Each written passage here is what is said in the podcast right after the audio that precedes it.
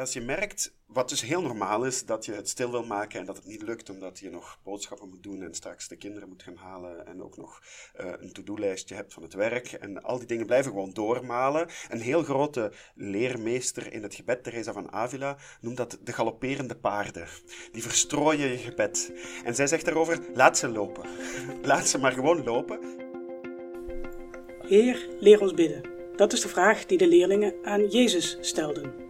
Misschien ben jij bekend met bidden, misschien ook niet. Hoe dan ook, er is altijd meer te leren en te ontdekken. Wil je weten hoe gebed je leven kan veranderen? In deze podcast nemen we je mee in een rijke gebedstraditie van de katholieke kerk. Wij, dat zijn Mirjam Spruit van het Centrum voor Parochiespiritualiteit en Daphne van Roosendaal van katholiekleven.nl. Onze vaste gasten zijn Samuel Gooivaarts, hij is docent liturgie en sacramenten aan de Tilburg School of Catholic Theology en Arjen Bultsma. Hij is pastoor in Bolsward en vicaris van de Bisdom Groningen-Leeuwarden. Dit is seizoen 2 van de podcast Weg van de Liturgie. Deze podcast is een initiatief van het Centrum voor Parochiespiritualiteit en katholiekleven.nl. Ja, welkom eh, Sam en Arjen bij deze tweede aflevering van seizoen 2 van Weg van de Liturgie. En jullie hebben ervoor gekozen om nu uh, twee afleveringen te wijden aan het bidden met de Heilige Schrift, het bidden met de Bijbel. En Sam, misschien mag ik vandaag bij jou beginnen. Waarom hebben jullie hiervoor gekozen? Ja, uiteindelijk um, is de Bijbel, of geeft de Bijbel ons in zekere zin heel veel informatie over gebed. Uh, we komen teksten tegen van mensen die bidden. Uh, we komen verhalen tegen over Jezus die bidt. Um, maar, maar op een nog meer fundamenteel niveau um, is de Bijbel in de christelijke, in de joods-christelijke traditie, is ook het woord van God zelf. En als we zeggen bidden is ook luisteren naar God, is God laten spreken, dan spreekt Hij natuurlijk ook tot ons in de schrift. Um, en in die zin is ook in heel het christelijke, in de christelijke liturgie en het christelijke gebed, is het altijd God die de eerste stap zet. En hij doet dat met name uh, in de schrift. Door de schrift te lezen, um, leren we iets over wie God zelf is. In de theologie zeggen we, God openbaart zichzelf. Hij geeft zichzelf bloot in zekere zin um, in de Bijbel, uh, in de schrift. En meer nog, God zelf is ook woord. En dat is iets heel uh, bijzonder in, in de schrift. Um, dat eh, een woord, wij denken dan aan, aan schrijven, aan teksten, maar eigenlijk in, ook in de Joodse traditie is een woord iets dat gebeurt. Denk maar aan het scheppingsverhaal. God sprak en het was er. Dus een, een woord en, en een gebeurtenis, een, een event zou je kunnen zeggen, dat ligt eigenlijk in de Christ, joods-christelijke traditie heel dicht bij elkaar. En het ultieme woord van God is Christus zelf. Denk maar aan het begin van het Johannesevangelie. Ehm, het woord is vlees geworden, het woord is mens geworden. En dus, als we dan nadenken over de Bijbel en over de schrift, is dat eigenlijk ja, uh, God zelf die tot ons spreekt, maar in die traditie, God zelf die ook aanwezig komt. Als we zeggen het is ook iets dat gebeurt, ja, is niet zomaar, het zijn niet zomaar woorden, nee, het is God zelf. Dus je zou kunnen zeggen, God is in zekere zin sacramenteel, zeggen we dan. Sacramenteel, dat wil zeggen, er is iets wat we niet kunnen zien, aanwezig door dingen die we wel kunnen zien. Het is eh, een zichtbaar, uh, on, onzichtbare genade die, die zichtbaar wordt in zekere zin. Dus je zou kunnen zeggen, God zelf wordt komt aanwezig doorheen de woorden van de schrift, doorheen de persoon van Jezus Christus, die we natuurlijk vooral kennen op basis van uh, de evangeliën en van de schriftwoorden. Dus in die zin is eigenlijk uh, de uitge, uh, uitgelezen manier om God te ontmoeten, is te beginnen bij de schrift. Ja? Omdat hij daar zelf in tot ons spreekt, zelf tot uh, bij ons aanwezig komt. En dus uh, heeft de kerk doorheen de eeuwen in uh, heel veel verschillende vormen van gebed, uiteraard in haar officiële liturgie, hè, altijd een belangrijke plaats toegekend aan het bidden het lezen, het luisteren naar, het hardop spreken van uh, die woorden uit de Bijbel. Mooi is wel, moest ik me aan denken nu, als je dit zo mooi zo zegt, dat dat dus nooit buiten mensen omgaat. De Bijbel als Gods woord is tegelijkertijd een evenveel op mensentaal. Het zijn mensen geweest die het mochten opschrijven. Het zijn mensen die het ook mogen doorgeven, totdat ook wij het, meestal vertaald gelukkig, uh, tot ons kunnen nemen. En je zou ook kunnen zeggen dat als je dan die Bijbel gaat pakken, en hoef je echt niet altijd een Bijbelgeleerde voor te zijn, en je begint te lezen, of een klein stukje over na te denken of zo, dan ga je eigenlijk in datzelfde proces staan. En dan wordt dat, is die Bijbel niet een dood boek, maar gaat ook niet buiten jou om dat God aan het licht komt. Door die teksten heen. Dus je staat dan ook meteen in een hele lange traditie, in een heel groot verhaal. Wat ook in alle opzichten een goed verhaal is. Ehm, maar niet buiten mensen om. En als je dus begint te bidden vanuit de schrift, als we daar als eerste bij stilstaan, dan gaat het ook daarom dat je ook zelf biddend, lezend, dat ook niet buiten jou omgaat, maar door jou heen mag gaan. Ik denk dat het een heel fundamentele gedachte is bij bidden uit de schrift, met de schrift.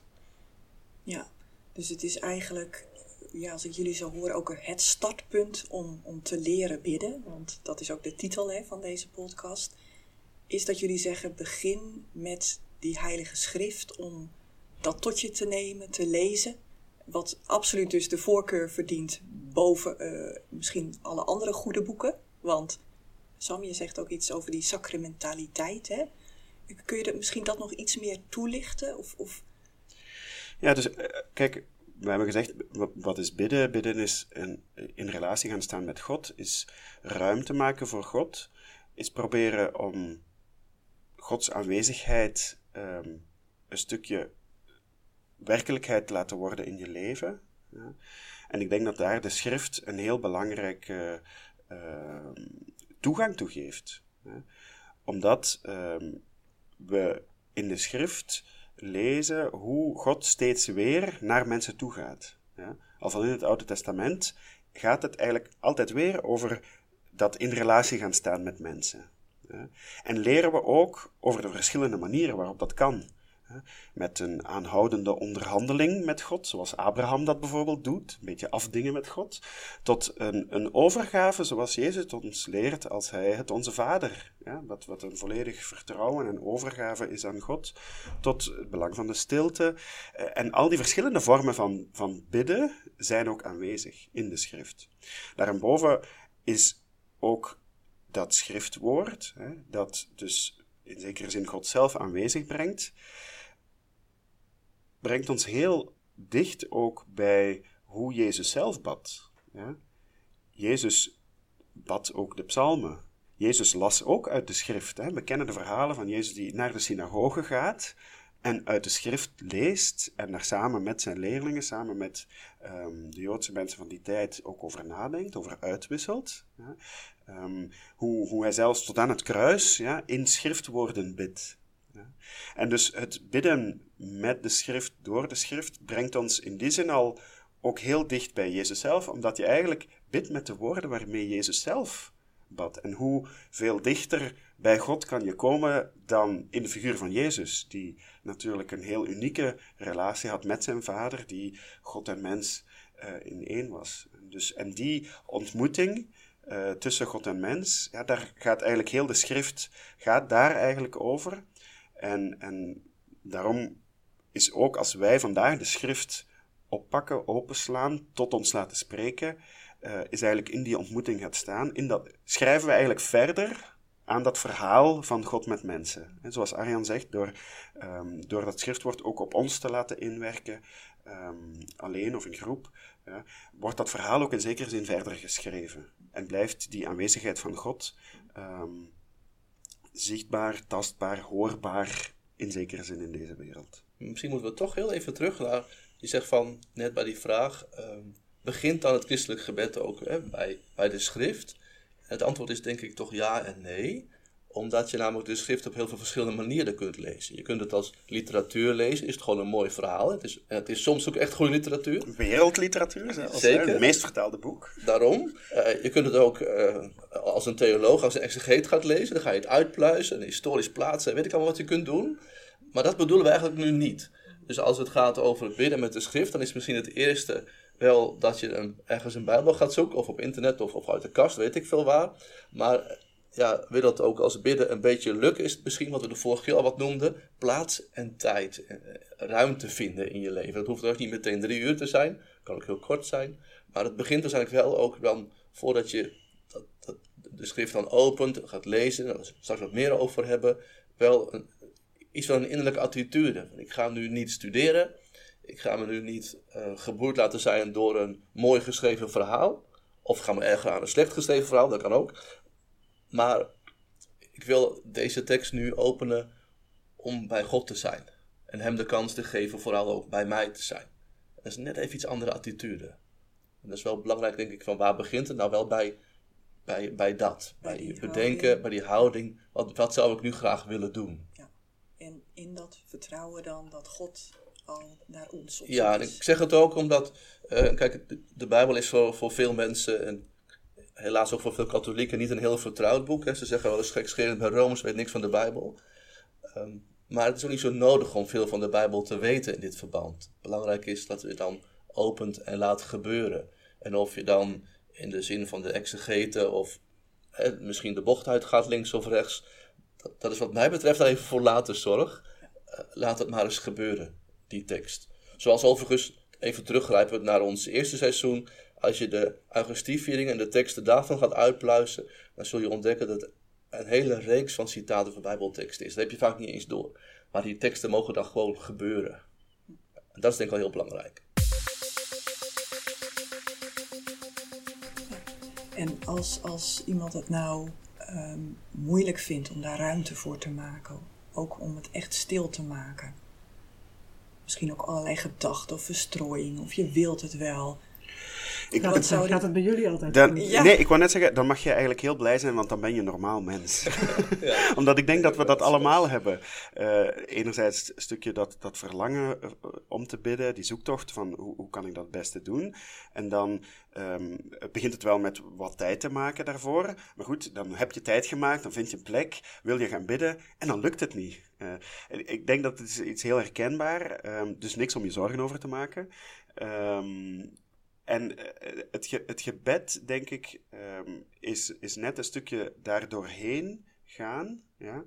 En net op zo'n momenten kunnen bepaalde schriftwoorden, kunnen uh, bepaalde vaste. Arjen heeft vorige keer over formuliergebeden gesproken. Je hebt bijvoorbeeld zo'n heel bekend uh, formuliergebed, een heel kort zinnetje, men noemt dat het Jezusgebed. Ja? Um, dan kunnen zo'n uh, formuliergebeden, zo'n vaste formules ons wel helpen. Hè? Dan zeg je gewoon, Heer Jezus Christus, Zoon van God, ontferm u over mij. Dat is het Jezus. Dat is het Jezusgebed.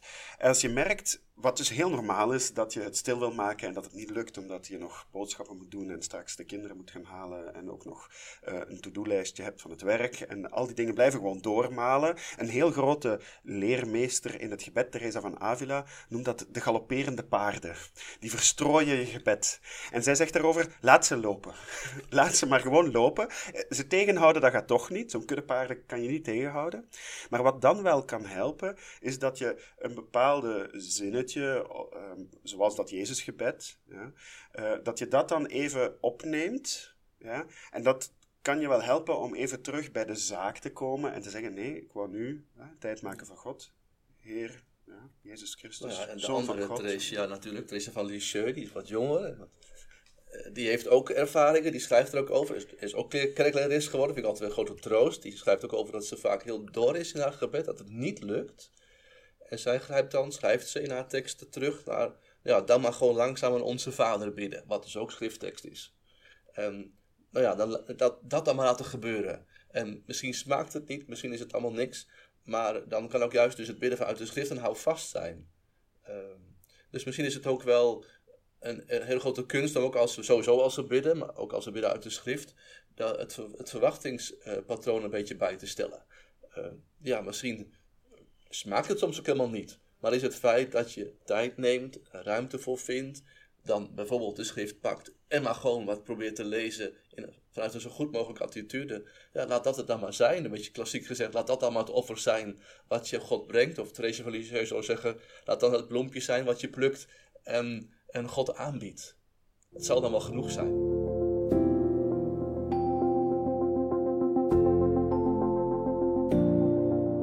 Het christelijk bidden ehm, heeft zijn wortels in het, in, het, in het Joodse bidden. En Mhm. bidden met de schrift is dus gewoon een hele oude manier Mhm.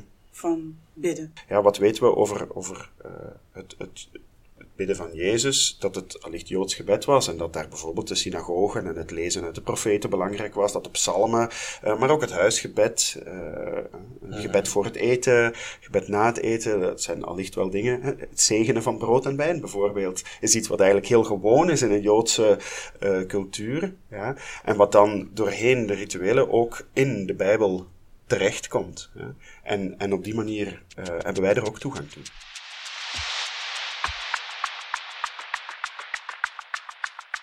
Bidden kun je leren door het te doen. Bidden, hoe doe jij dat?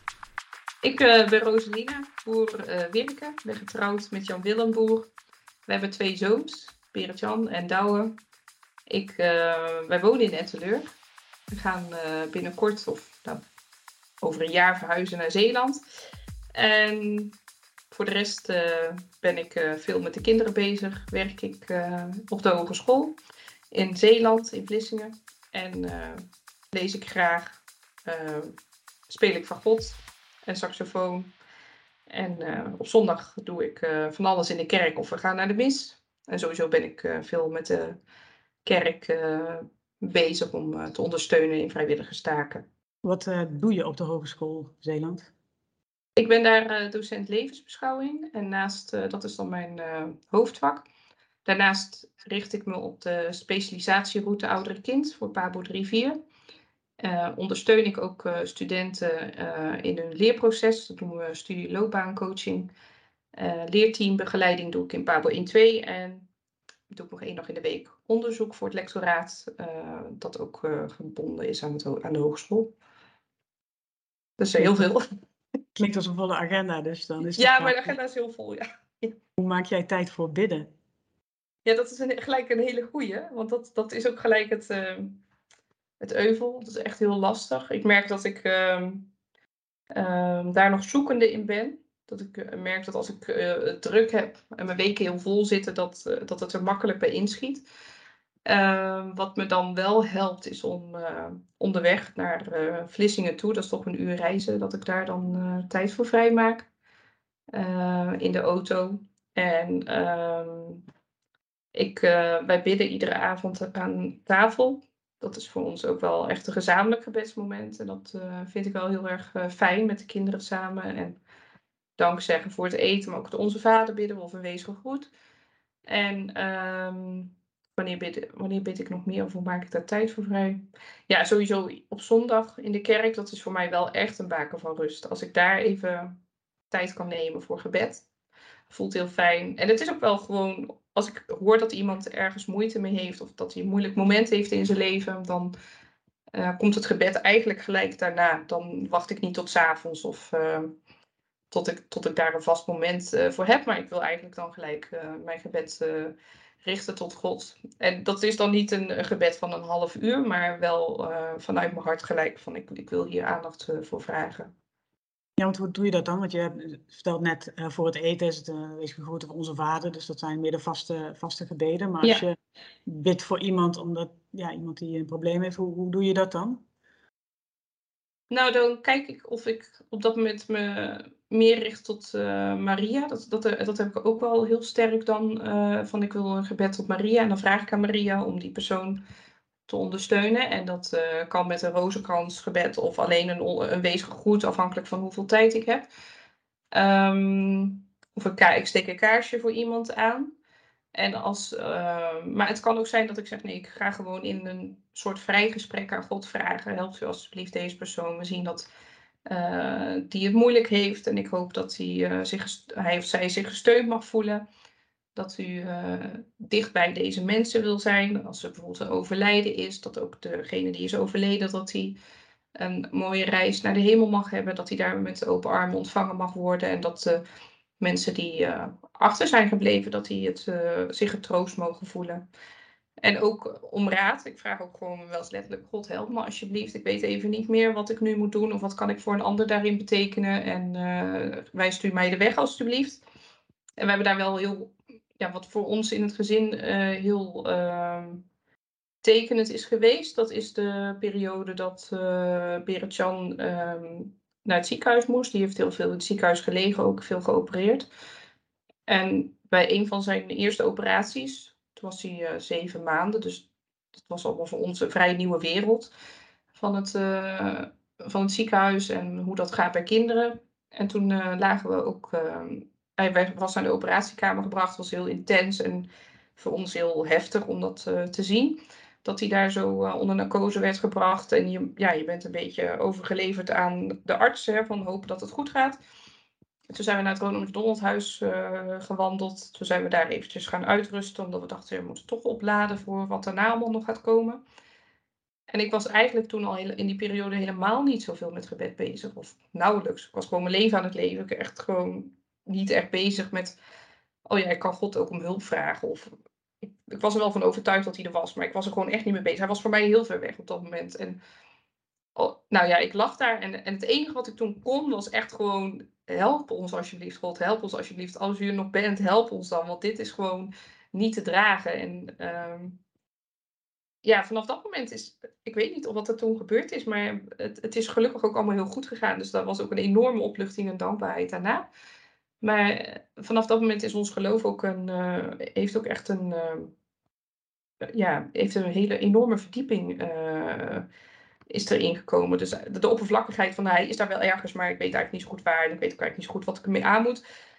Um, dat is echt gekomen van, nou, we willen daar wel wat mee. En dat is nog, heeft nog wel even geduurd voor, goh, we willen het geloof uit gaan dragen en we willen daar intensiever in contact met God zijn. En we willen daar ook tijd voor vrijmaken. Maar het heeft geduurd tot de tweede geboren werd, dat we echt dachten, nee, we laten de kinderen niet voor niks dopen. En uh, ja, we hadden een uh, hele fijne diaken die ons daarbij hielp.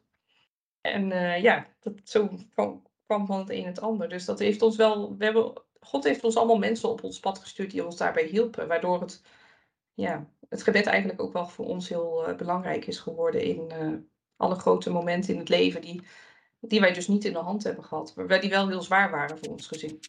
Ik wilde toen net nog vragen van uh, hoe doe je dat dan als je in de auto zit? Hè? Omdat mensen dan vaak hun ogen dicht hebben. Maar dat is in de auto is dat toch niet zo, niet zo uh, handig. Nee, nee, ik hou, niet, ik hou maar niet mijn ogen dicht in de auto. Ik hou ze gewoon open. Maar in mijn hoofd maak ik wel echt... Ik kan, ik kan me namelijk um, heel goed uh, focussen op iets. Dus ik ben niet zo snel afgeleid. Ik, kan ook, uh, ik merk gewoon met heel veel dingen dat ik gewoon een focus kan hebben. Als er heel veel onrust om me heen is, dan kan ik nog steeds heel erg gefocust op iets zijn. En dat lukt me ook in de auto. Ik, ik rij gewoon, ik let echt wel op de weg. Maar dat gaat bijna een beetje vanzelf. Want in mijn hoofd ben ik met andere dingen bezig. Dus dan uh, maak ik op die manier contact met God. En ik denk ook dat God ook niet van ons verlangt dat we altijd onze ogen sluiten of alleen maar op onze knieën zitten en dan, dan het gebed uh, het meest oprecht is ik vind dat wel een hele fijne houding, omdat ik daarbij ook voel um, hoe relatief alles is en hoe uh, wij als mensen um, uh, niet volmaakt zijn. Dus dat, dat ervaar ik heel sterk in een, in een gebedshouding. Dat ik denk van nou, ja, ik voel me heel nederig dan. En dat geeft me ook wel weer een bepaalde rust, dat ik het uit handen mag geven.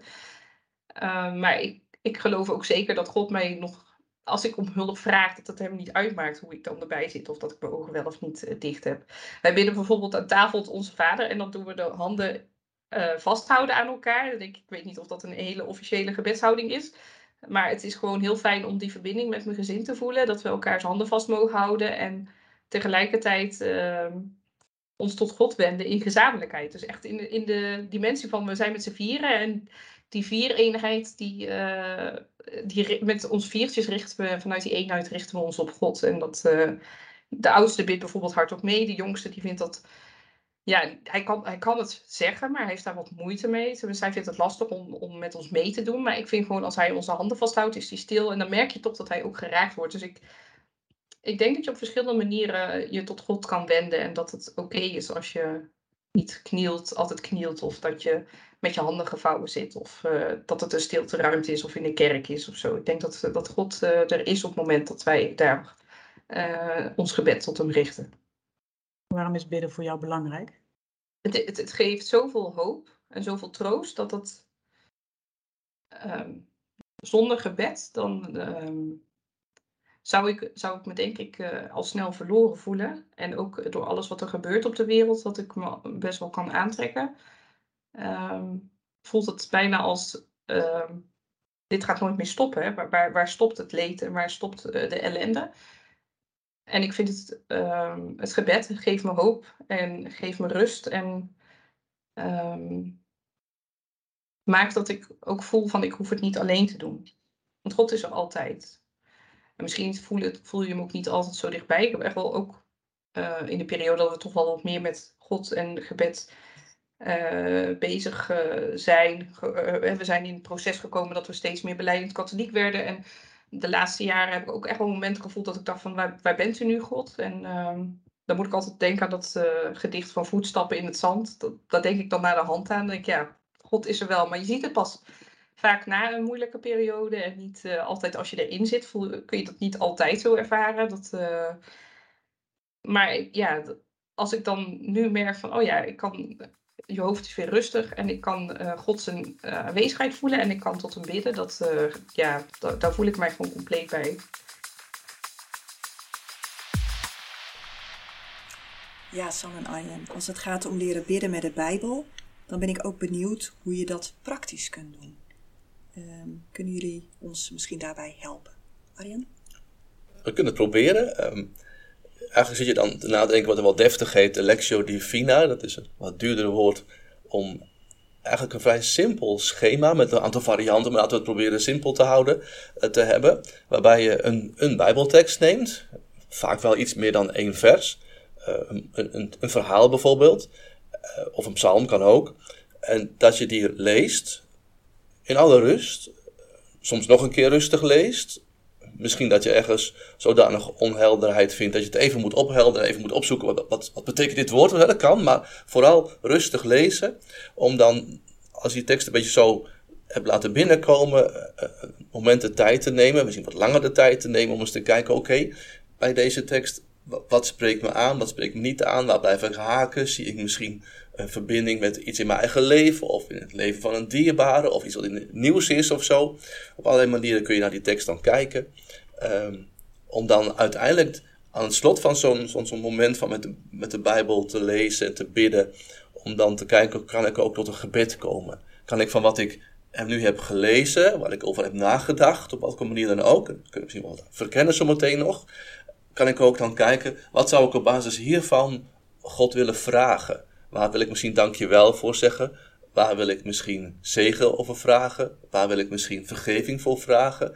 En misschien zijn er ook wel andere mensen of andere situaties buiten mij die ik dan ook bij God zou willen aanbevelen. Het is een heel simpel schema wat je heel kunt uitbreiden, mm -hmm. maar dat zou een soort van basis kunnen zijn. Uh, en dat heet Lectio Divina. Lectio Divina is dan en, het, en dat het begin het. Misschien ook even voor Lectio Divina. Het betekent letterlijk goddelijke lezing. Goddelijke lezing. Geestelijke lezing, zeggen we ja. ook wel. En bij die Lectio Divina is, denk ik, vooral het begin en het einde eigenlijk heel belangrijk. Hè? Een beginmoment waarop je zegt van, ik ga, me nu, ik ga nu tijd maken om te bidden. Ja? En dus, zoals Arjen zei, ik ga niet de schrift bestuderen of, of vertalen. Nee, ik ga nu tijd maken om te bidden. En dat doe je door je in aanwezigheid van God te plaatsen. Door bijvoorbeeld met een kruisteken te starten. Ja? En het even gewoon stil te maken. Te kijken wat houdt, die, die paarden even te laten galopperen. Ja?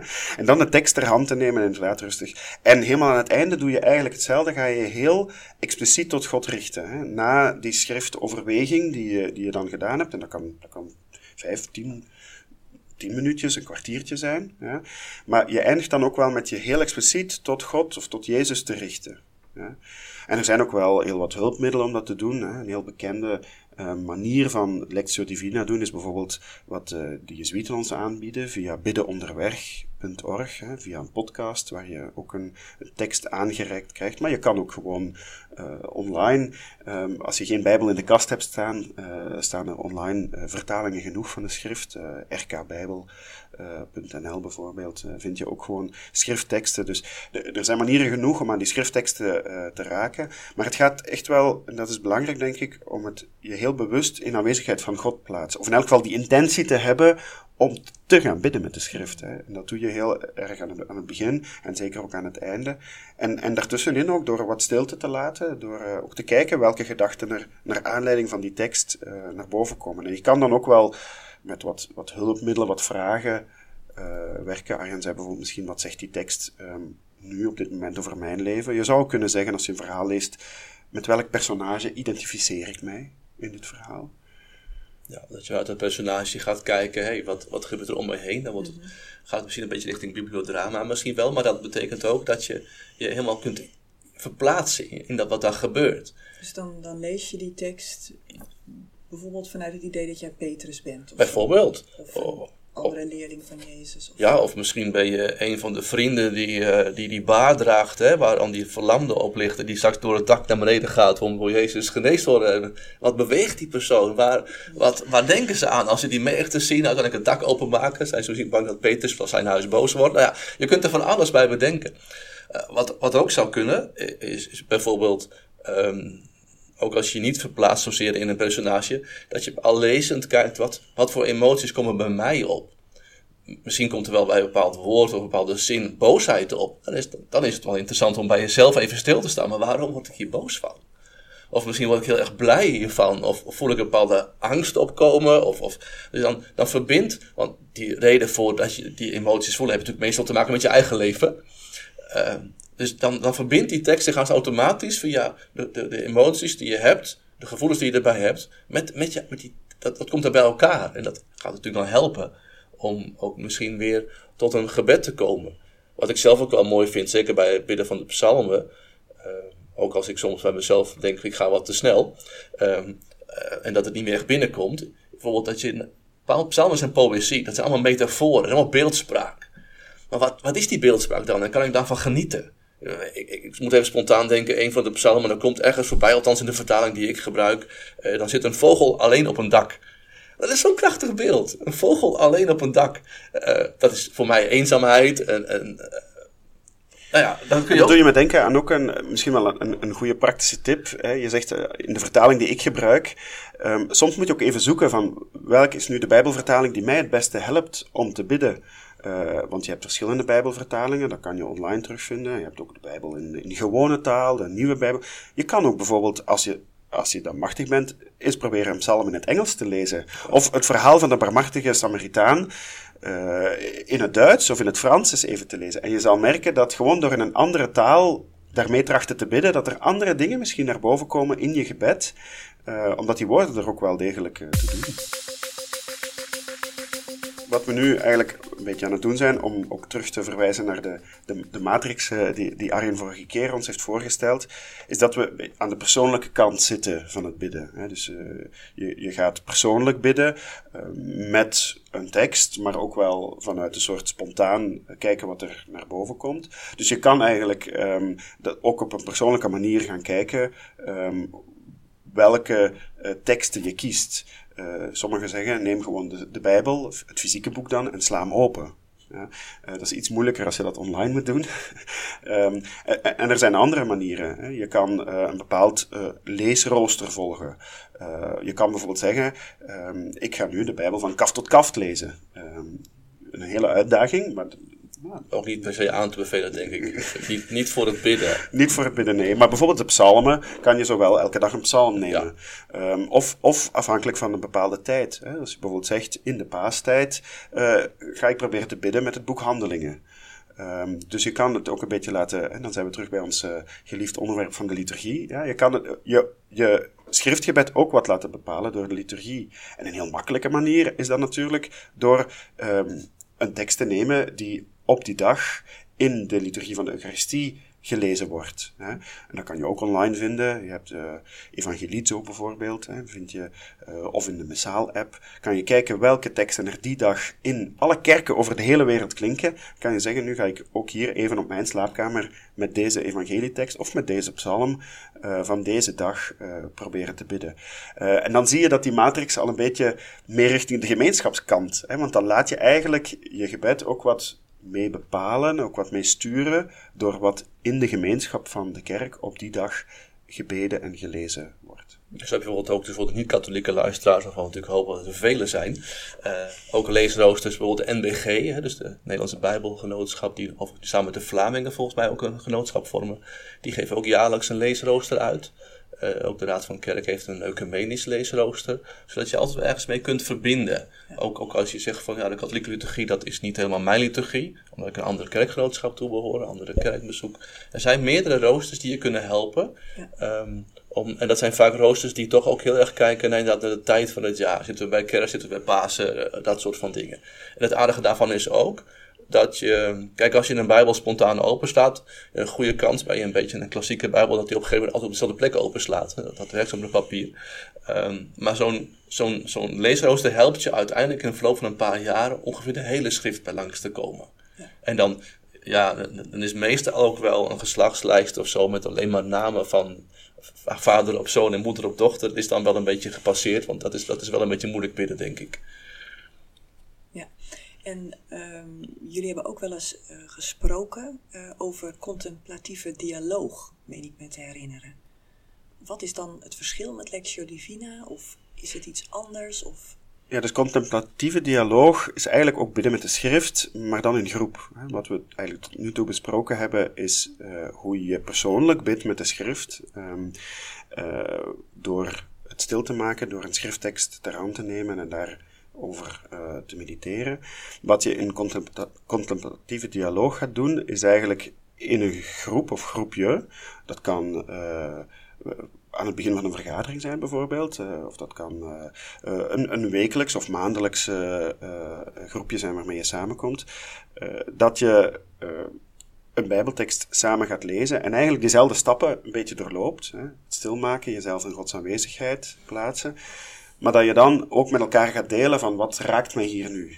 Um, en de contemplatieve dialoog um, is eigenlijk biddend in die zin dat het geen, zeker in eerste instantie, geen gesprek is over een bijbeltekst. We gaan niet proberen om met elkaar de schrift uit te leggen. Typisch voor contemplatieve dialoog is dat er altijd maar één iemand aan het woord is. Dus dat je niet, ook niet echt in discussie gaat, maar dat je uh, in, een, in verschillende rondes ook uh, naar elkaar vooral luistert. Ja? Dus dat je in een eerste ronde gewoon iedereen één schriftzin zegt. En dan in een, een, een tweede ronde kan je iets herhalen, iets teruggeven van wat je gehoord hebt. En eventueel in een derde ronde kan je wat meer in gesprek gaan. Die stappen die kan je ook online wel vinden. Opnieuw, uh, kijk maar even in de show notes. Ja. Maar dat is eigenlijk een hele fijne manier om luisterend, zelfs niet in de eerste plaats naar elkaar, maar misschien vooral luisterend naar de geest. Um, vanuit de schrift te kijken wat, uh, wat Gods geest aan ons wil vertellen en hoe we elkaar daar ook in kunnen ondersteunen. Het mooie van, um, zeker als je dat met een zekere regelmaat kan doen, is dat zo'n groepje ook aan de gang houdt. Kijk, en, en dat is ook weer altijd het, uh, ja, die, die balans tussen dat individueel bidden en het bidden in gemeenschap. Uh, we herkennen allemaal dat het uh, als het allemaal vanuit onszelf moet komen, is het vaak moeilijk om vol te houden. Terwijl als je zo'n groepje hebt, uh, dat je daarin ondersteunt en je kan zegt van ja goed, we hebben afgesproken, dus ik zal toch maar gaan. Um, ja, uh, dat, dat houdt je ook uh, wat meer aan de gang. En dan is zo'n contemplatieve dialoog eigenlijk een hele mooie manier van bidden met de schrift in groep.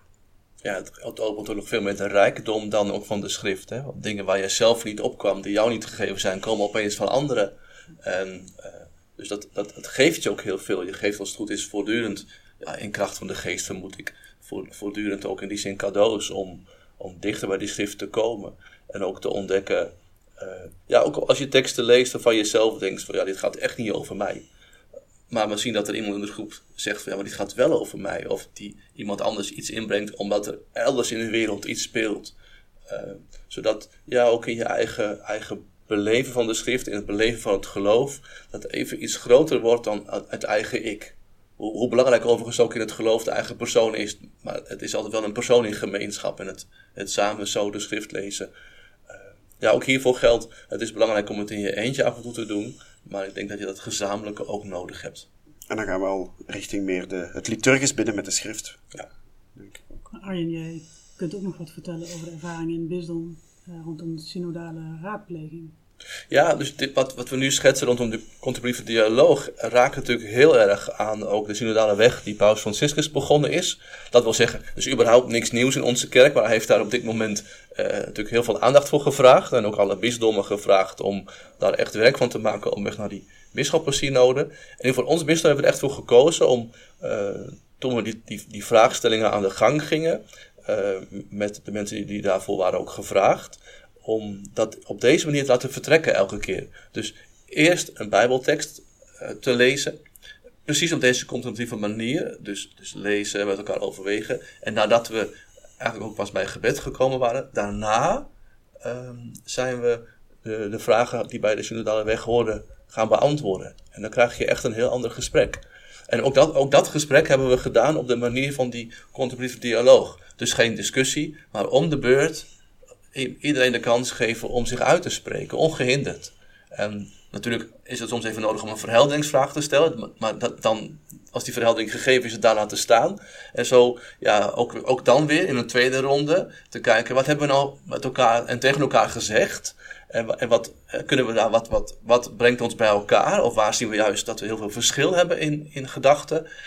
En dat is weer eh, voeding voor een, een volgende ronde. Zo kun je heel goed luisterend ja, ik zeg altijd maar in zo'n contemplatieve, uh, synodale situatie is het belang, is het luisteren. En omwille van het luisteren moet iemand spreken. Maar dat is een iets andere attitude dan bijvoorbeeld bij, bij debatten, in de politiek en zo, of elders. Of, of discussies waarbij het wel op lijkt. bestuurvergaderingen. Dat kan ook gebeuren. dat, het, dat het vooral gaat over het spreken. En dat het luisteren wat, wat, snel vergeten wordt. Hè. Zeker bij debatten, ook in de Tweede Kamer valt me dat regelmatig dan op. Dan, dan lijkt het doel wel vooral om, om, om maar te zeggen wat je wilt zeggen. Maar dat is niet waar het hier over gaat. Als we echt vooruit willen komen, ook, ook, ook, ook bij moeilijke vragen die ook in de samenleving kunnen spelen, is juist de, de contemplatieve dialoog. Het liefst uit de schrift zou ik wel zeggen, maar ik snap dat in de Tweede Kamer niet zo werkt. Maar is dan een hele belangrijke manier om, om, om verder te komen. Bedankt voor jullie verhaal. We hebben vandaag veel gesproken, veel gehoord van jullie over persoonlijk bidden met de schrift. In de volgende aflevering zal het meer gaan over bidden met de gemeenschap van de kerk. Wat natuurlijk ook altijd een persoonlijk bidden met de gemeenschap van de kerk zoals jullie hebben uitgelegd. Nogmaals dank en graag tot de volgende keer.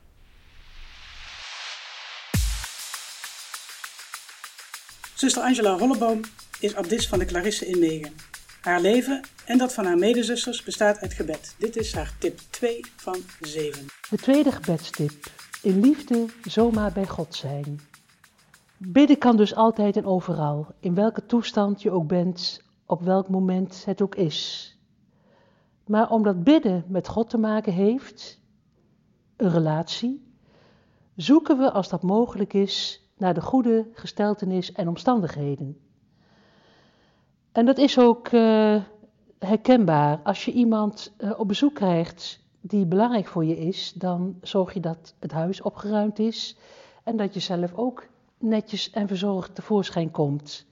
De zes gebedstips die nu volgen laten je ervaringen opdoen rond gebed, om te ontdekken hoe tijd, ruimte en plaats je kunnen helpen om tot gebed te komen.